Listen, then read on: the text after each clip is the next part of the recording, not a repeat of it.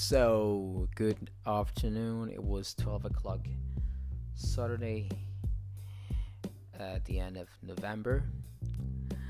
So, welcome with me with this English episode. I don't know, you know, I don't know what I'm going to talk about, but I just I just uh, finished uh, my reading section today.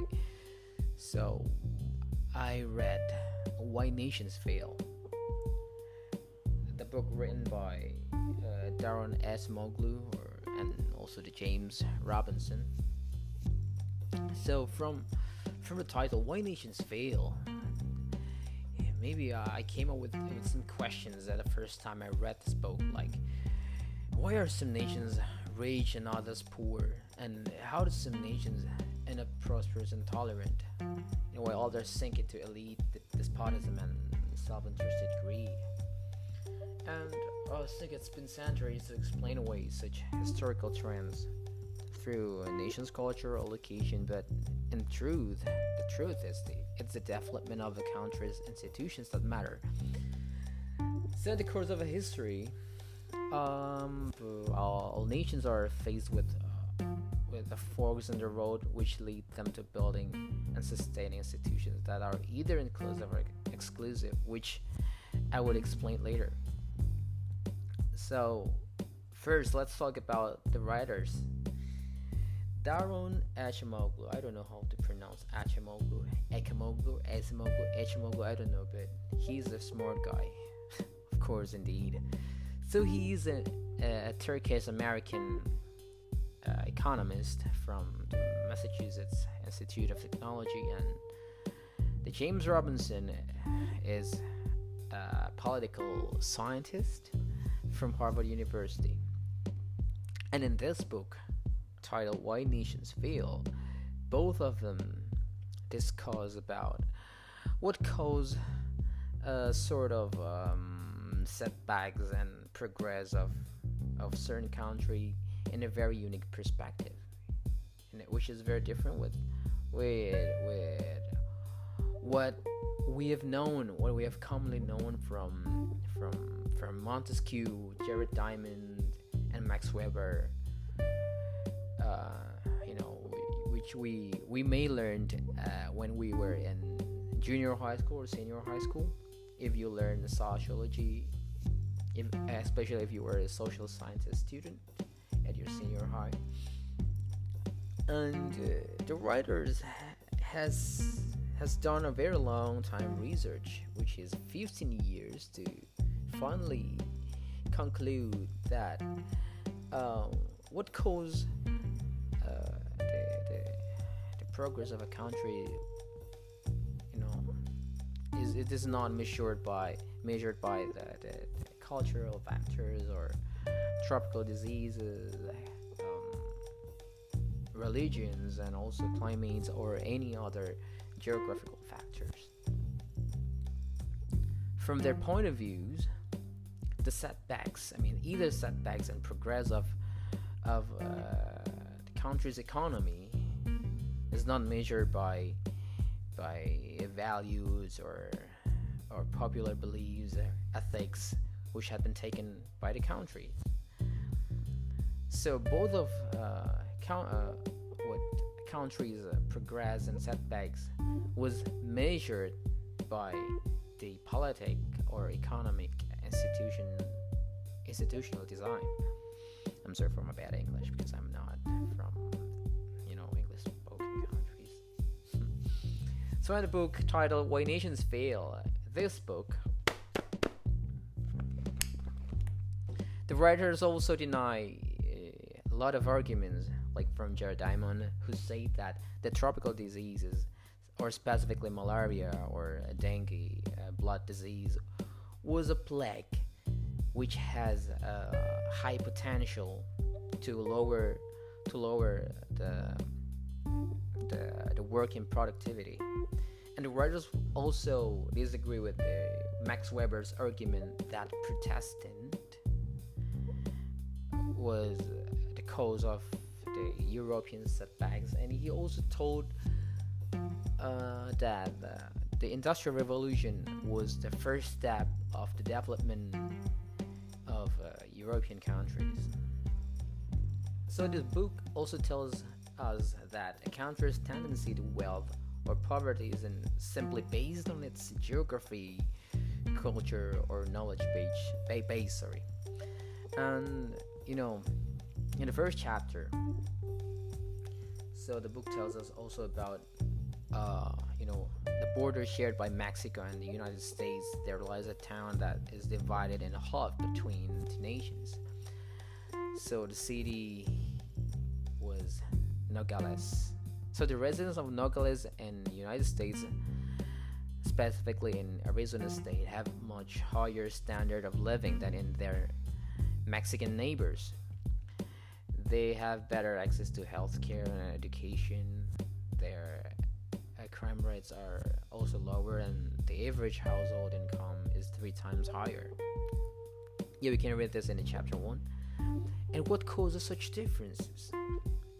So in chapter two, um, the theories that don't work. It was a title, so it explains uh, three basic hypotheses. So the first hypothesis is geography hypothesis, which has which has been the most influential theory designed to explain such inequality. But the theory falls short here because of these writers. because it was most famously exposed by by you know French philosopher. I don't know, he's a philosopher or anthropologist or sociologist by Montesquieu. So he maintained that the inhabitants of warmer or more tropical climates were lazier than the harder working, more resourceful types who lived in more temperate climates. Um, and in modern times, the theory has morphed to emphasize the presence of diseases in warmer regions such as Africa, like Ebola, polio, and Southeast Asia, South Asia, and Central America, as well as the supposed uh, the poor soil quality of those regions, which um, inhibits economic growth. But it isn't just Nogales that disproves such ideas. Just look at the differences between you know, South and North Korea. Yeah, a very popular one. The former countries of East and West Germany, you know, the Cold War thing, and the massive economic leaps made by Botswana. You know, Botswana uh, today recently was one of the most successful successful countries in sub-Saharan Africa, and also the the Southeast Asian countries like Malaysia and Singapore. Hmm we know that. And two other classically classically cited theories, you know, don't don't stand up either. So, but uh, beside uh, the ge- geography, ge- sorry, fuck that shit. Geography hypothesis. The second one is the cultural hypothesis. So, in the early 20th century, we know Max Weber. He's a German he claimed that Western Europe's high rate of industrialization, uh, in, the, in, the, in contrast the rest of the world, had been caused by its Protestant work ethic. Oh, okay, so Protestant, right? But just look at Korea, the peninsula that was, you know, culturally homogeneous until they split up, you know, because of the commun- communism and the capitalist things. and the cultural hypothesis simply can't explain the difference in inequality between the two. It is the existence of the border that has caused such disparities, um, rather than deep and significant cultural differences. And we can see the details in, I think it is in chapter 3, actually, if I'm not mistaken. Um, the third one, ignorance hypothesis uh, talks in a similar field as a cultural hypothesis. It suggests that poverty results from a death of knowledge. Um, you know, regarding the policies that might encourage economic growth. But the country, you know, the example, the countries in Africa have largely failed to make a lasting difference By the way, forget that those grand theories that try to explain such variation in prosperity between countries, the truth is far simpler. So, what really matters are economic and political institutions. A given country's prosperity is determined by its economic institutional landscape the systems and regulations that direct economic behavior within its borders. That landscape includes property laws uh, and the strength of public services, public policies, and also the access to finance. So these economic institutions fall into one of two categories. Either it's extractive or inclusive. While inclusive economic institutions stimulate economic success and are designed to encourage uh, participation in economic activities. They also nurture economic freedom. In countries like South Korea and the United States of America, for instance, the market rules derive from private property laws as well as from developed banking sectors and strong public education systems, which allows people to know they can work hard and be innovative, you know, giving sort of, um, I would say, certainties that their efforts will be respected and their wealth will be uh, preserved. In contrast, extractive institution, so you know, derive incomes from groups within society for, for the benefits of other groups, like in colonial Latin America, as I read before, for example, like a system built uh, and the expropriation of indigenous population was designed to benefit the colonizers, which happens also in Indonesia. and in North Korea, the Kim family, our respected leaders, Kim Jong Un, uh, their, family founded a regime that repressed the populace, the outlawed private property and concentrated all power within a select elite. Um, I don't know what to say again. You know, much like economic institutions, political institutions can also be inclusive or extractive.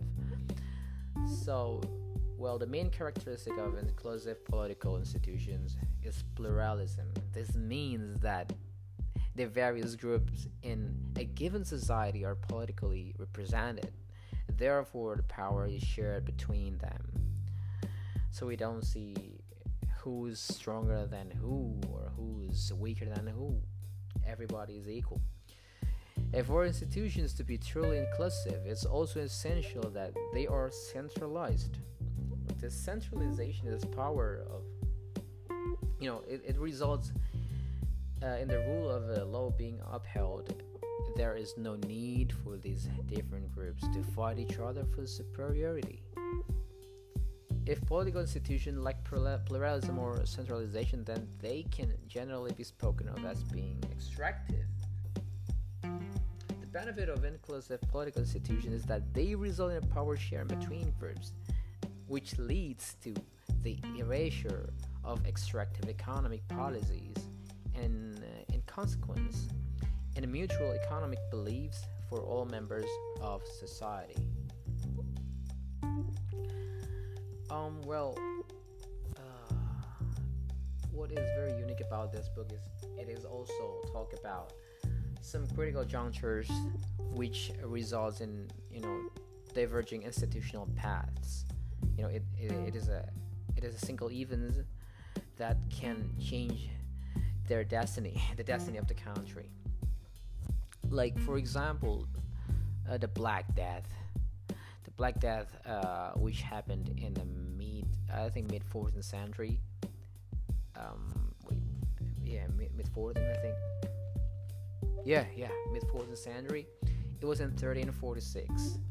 So the Black Death traveled along the, you know, established trading routes from far east to the European continent, and almost half of its population died in the plague devastation. Um, the Black Death is therefore an example of what is known as a critical juncture which is an event and a single event capable of overturning the socio political balance of a nation, a continent, or even the entire world. So, prior to the arrival of the Black Death in Europe, the continent's social and economic system were uh, shaped by a highly extractive form of governance and control called feudalism. But, however, the Black Death caused a massive uh, shortage of labor. In Western Europe, in the western part of Europe, this meant that the peasants finally felt they had the capacity uh, to demand lower taxes and more rights. But the same can't be said of uh, Eastern Europe, like like the Slavic countries, Nordic countries. There, the peasants were less well organized, you know, because the landowners managed to bring peasants under the yoke by taking uh, maybe advantage of their lack of organization. In contrast to their Western European counterparts, the Eastern European institutions became increasingly extractive, corruptive, as higher and higher taxes were extracted from the peasants. So it can therefore be said that the Black Death formed a critical juncture. As I told you before, it resulted in both the eventual dissolution of feudalism and somewhat more swift, swiftly and in less extractive institution in Western Europe. But the opposite was true just a little further east. So back at it again, it is the institution. It's a very interesting book, to be honest. Man, it is all about institutions, institutions, institutions, etc.